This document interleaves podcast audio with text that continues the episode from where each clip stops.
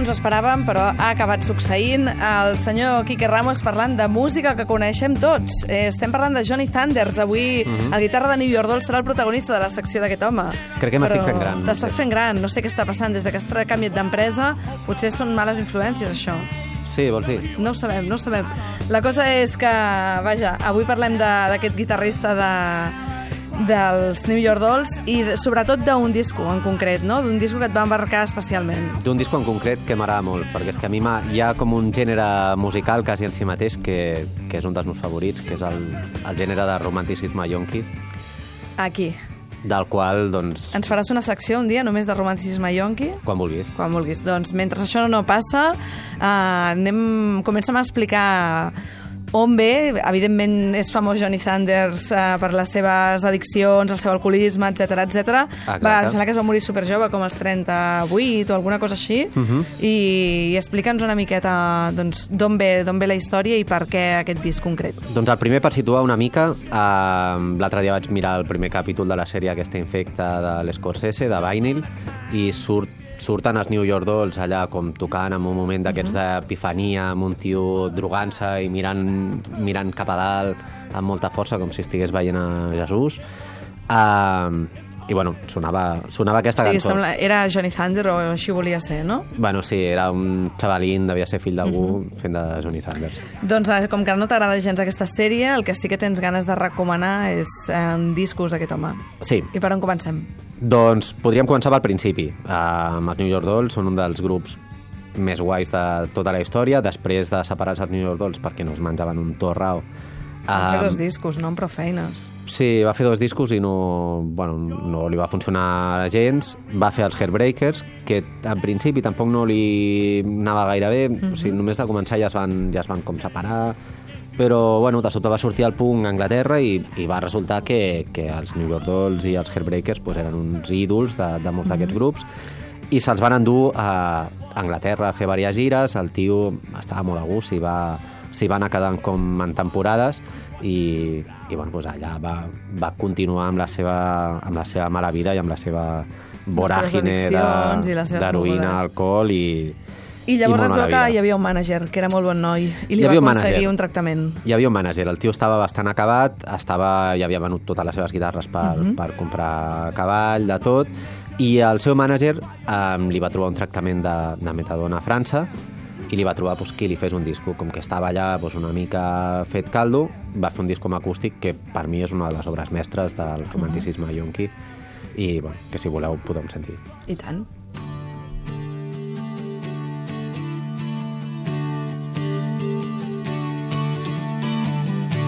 Doesn't pay to try. All the smart boys know why. It doesn't mean I didn't try. I just never know why. Feel so cold and all alone. Baby,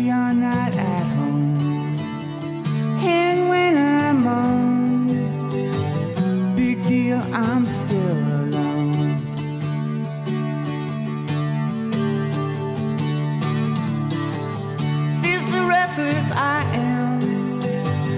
Beat my head against a pole.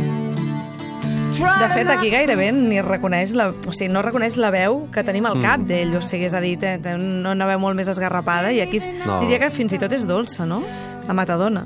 És dolça, és, és, o sigui, és com trencadissa, molt mm. fragileta, és, és una passada. Dolceta, sí, m'atreviria a dir. a partir d'aquí el tio com feia com bastants trossos de, de concerts quan tocava, sempre tenia com el tros acústic i de fet hi ha algun, hi ha algun concert així com rotllo, concert pirata on, on surt tocant les mateixes cançons rotllo, tres vegades, que amb el concert devia ser una mica insuportable i, i on la part que mola, l'única part així com realment emocionant és aquesta part aquesta part més acústica, com aquest que tinc aquí, que es diu Belfast Rocks, que bueno, és d'un concert de l'octubre del 84, poc després de treure això, i, i bueno, és una meravella. També... Aquesta cançó que estem sentint ara és uh -huh. you, can put, uh, you Can Put Your Arms Around Me? O com es Around a Memory. Around a Memory. No pots agafar... Amb aquest anglès. No pots abraçar, sí, amb aquest anglès que gastem els dos de, de Collserola.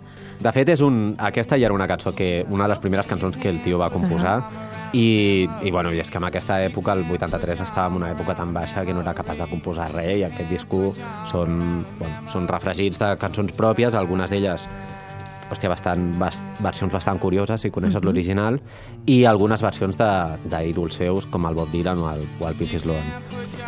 Uh -huh. um, dintre d'aquesta gira, si, si teniu a l'ordinador davant... Home, podem penjar al Facebook, de fet, el programa, el Twitter. Ah, doncs sí.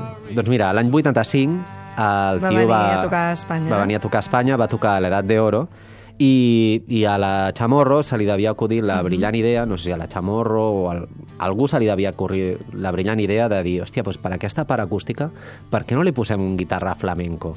I és un vídeo bastant al·lucinant, per, o sigui, és molt estrany perquè de vegades uh -huh. sona bé, de vegades no, però bueno, està el tio totalment desconnectat amb, la seva, amb el seu xute o, uh -huh. o el que fos, cantant i tocant la cançó, amb el guitarra flamenco pues, fent el que bonament pot, i bueno, en cap moment sembla que, que hagin de parlar per res. Però bueno, doncs, tornem escolta, al disco, ara, si ara ho penjarem, eh, penjarem aquest tema eh, al Facebook o al Twitter, però escolta, deixem que soni una altra cançó mentre m'expliques altres històries. Va, Sentim sí. aquesta If of Destruction. Well, east and well, it is exploding, violent flares and bullets loading. You're old enough to kill, but not for voting. You don't believe in war, but what's that gun you're toting? Jordan River has bodies floating, and you tell me over and over and over again, my friend, how you don't believe we're on the eve of Aquesta cançó de If of Destruction també surt en aquest disc del que comentem. Ah, exacte. Recordes és... el nom? Recorda'm el nom. El de, disc es diu disc. Heart Me. Si el voleu aconseguir, hi ha una versió de, de Monster Records que va treure així a, a meitats dels 90 o així, però hi ha, hi ha diverses versions, ja està a Spotify, uh -huh. ja està tot arreu, o sigui que si el voleu sentir... Heart Me, fes-me mal, Fes-me mal. Fes-me mal, no Johnny, eh, com cantava l'Ayer Minamota. Fes-me mal. De fet, es, o sigui, aquest disco ja, ja podeu sentir. És aquesta veu així com a punt de trencar-se i que qualsevol cançó que, que amb la seva versió original pues, era un rotllo així rockero, que amb estius disfressats de dona, més canallesco, uh -huh. pues aquí, hòstia, fa ganes de dir-li, tio, Joni, vine, et preparo un cafè, Exacte, una sopa. Per què, què necessites? Una sopa, què necessites? Una manteta? Deixa'm que et tapi. I al disco hi ha, una, hi ha unes notes curtes escrites per ell a mà que em fan bastanta gràcia perquè el tio té com... Bueno, una cal·ligrafia molt, molt delicada, una, no? Gairebé... Una cal·ligrafia de poeta, que sí. déu per lo malament que estava, uh -huh. i posa com frases així sobre, sobre les cançons. Algunes d'elles són una mica xorres, que a mi pues, t'agraden especialment. M'arriben al cor, com amb una cançó que es diu Ask me no questions, Pregunta'm... no em preguntis, no em preguntis coses, uh -huh. pues ell senzillament posa al costat, no preguntis. o ella she's so untouchable i al final diu, pues, ella em va tocar. Ella però és intocable, ha... però em va tocar. Sí, no? però també hi ha alguna cosa molt bonica, com amb una cançó que es diu Mia, eh, on ell simplement diu que és una declaració política d'amor, i bueno, pues, la cançó Anem a sentir... No sé si ho és, però és, és preciosa. Anem a sentir aquesta Mia de Johnny Thunders amb aquest disc que es diu Heart Me i que és molt i molt bonic, que l'estem repassant avui amb Quique Ramos. My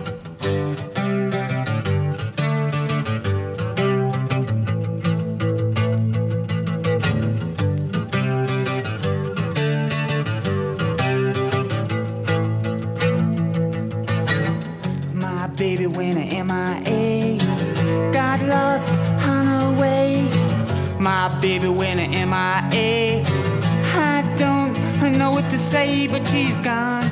But she's gone. But she's gone. Descobrint Johnny Thunders amb una veu que no ens imaginàvem i en aquesta cançó que es diu Mia i que és una declaració política d'amor, deies. Se suposa que sí. Se suposa que sí. També hi ha un A altre mi que es sona diu... molt a Velvet Underground. Pot ser, pot ser, ja pot ser. Sí, sí, segur que, segur que ell era fan. I eren, devien ser fans de les mateixes coses i les mateixes, les mateixes substàncies, també. Uh, el Johnny encara gravaria alguns discos més després d'això, tampoc no gaire, eh? O sigui, viuria uns... Crec que va viure set anys més, durant els quals va gravar un parell de, un parell de discos, un d'ells amb, amb membres dels Sex Pistols, els Only Ones, amb l'Steve Vai i tots, i després de tornar als Estats Units, un de versions de, de cançons de rock and roll i rhythm and blues, doncs, també perquè el tio ja devia tenir el, el cervell bastant fos. Um, la seva vida a partir d'aquí es va tornar bastant penosa. Mm -hmm. Hi ha com una web on, on detalla com més, més per més tot el que va anar fent i li va anar passant i està plena de concerts cancel·lats, poc públic, voltes al món on o sigui, per, només per pillar un bitllet havien de pensar en les connexions, que fossin llocs on poguessin pillar algú de metadona, droga, etc. Uh -huh. un, un parell de mesos així de desintoxicació i se'n tornem-hi. Uh, clar, són, són com anys Això bastant ser, això de ser maltractat quan has fet tota una carrera o que no et vinguin a veure, això li ha passat a molts músics fantàstics, eh? Vull dir, A veure, Alex Chilton i molts. El que Tampoc no podem ell... culpar la gent perquè, perquè el tio feia uns concerts bueno, pues, era un yonqui, ja estava, ja estava molt fet caldo i la gent l'anava a veure i pensava, hòstia, mm, bueno, pues, si torna, pues, jo no hi torno. I, I ho puc entendre. Però bueno, fa una mica de grima, fer una sí. oda així al rotllo heroinòmano sensible. Uh -huh. Uh, I bueno, i aquest disco, les seves addiccions són bastant transparents, crec jo, dintre de, de lo que pots sentir, que és, que és molt poqueta cosa, és només la seva veu i, i la guitarra, però bueno, o sigui, al final no és tan bo per la droga que, que consumís.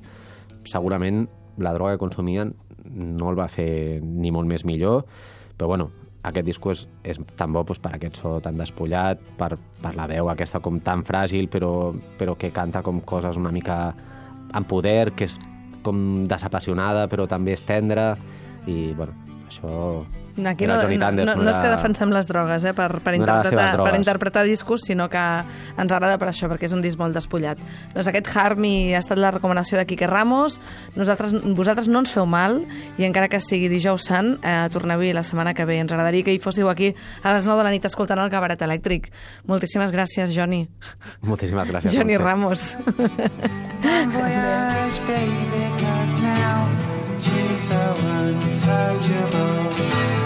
She's so untouchable.